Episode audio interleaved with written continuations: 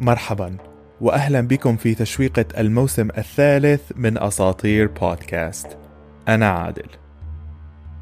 في عالم تتقاطع به الآلهة والبشر والجميع يبحثون عن البطولة والمجد ومستعدون للتضحية بكل ما هو غالي من أجل ذلك ينطلق الموسم الثالث من أساطير بودكاست تحت عنوان أساطير حرب طروادة في هذا الموسم سألقي عليكم أسطورة عن الحب والخيانة فيها من الأبطال والأشرار الكثير الأسطورة التي هزت أساسات العالم الإغريقي. في هذا الموسم سأقدم البودكاست بطريقة سيريالية متسلسلة لأرسم لكم لوحة مليئة بالأحداث والمشاعر.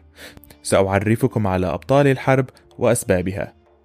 أخيل أو أكيليز أفضل الإغريق وهكتور النبيل وأوديسيوس المكار وهيلين الغامضة لتشاركوهم الانتصارات وأحداث حياتهم خلال هذه الحرب الأسطورية. هذه الأسطورة الهومرية. ستريكم كيف حاكت الآلهة الأولمبية الأقدار المختلفة للأبطال الشجعان.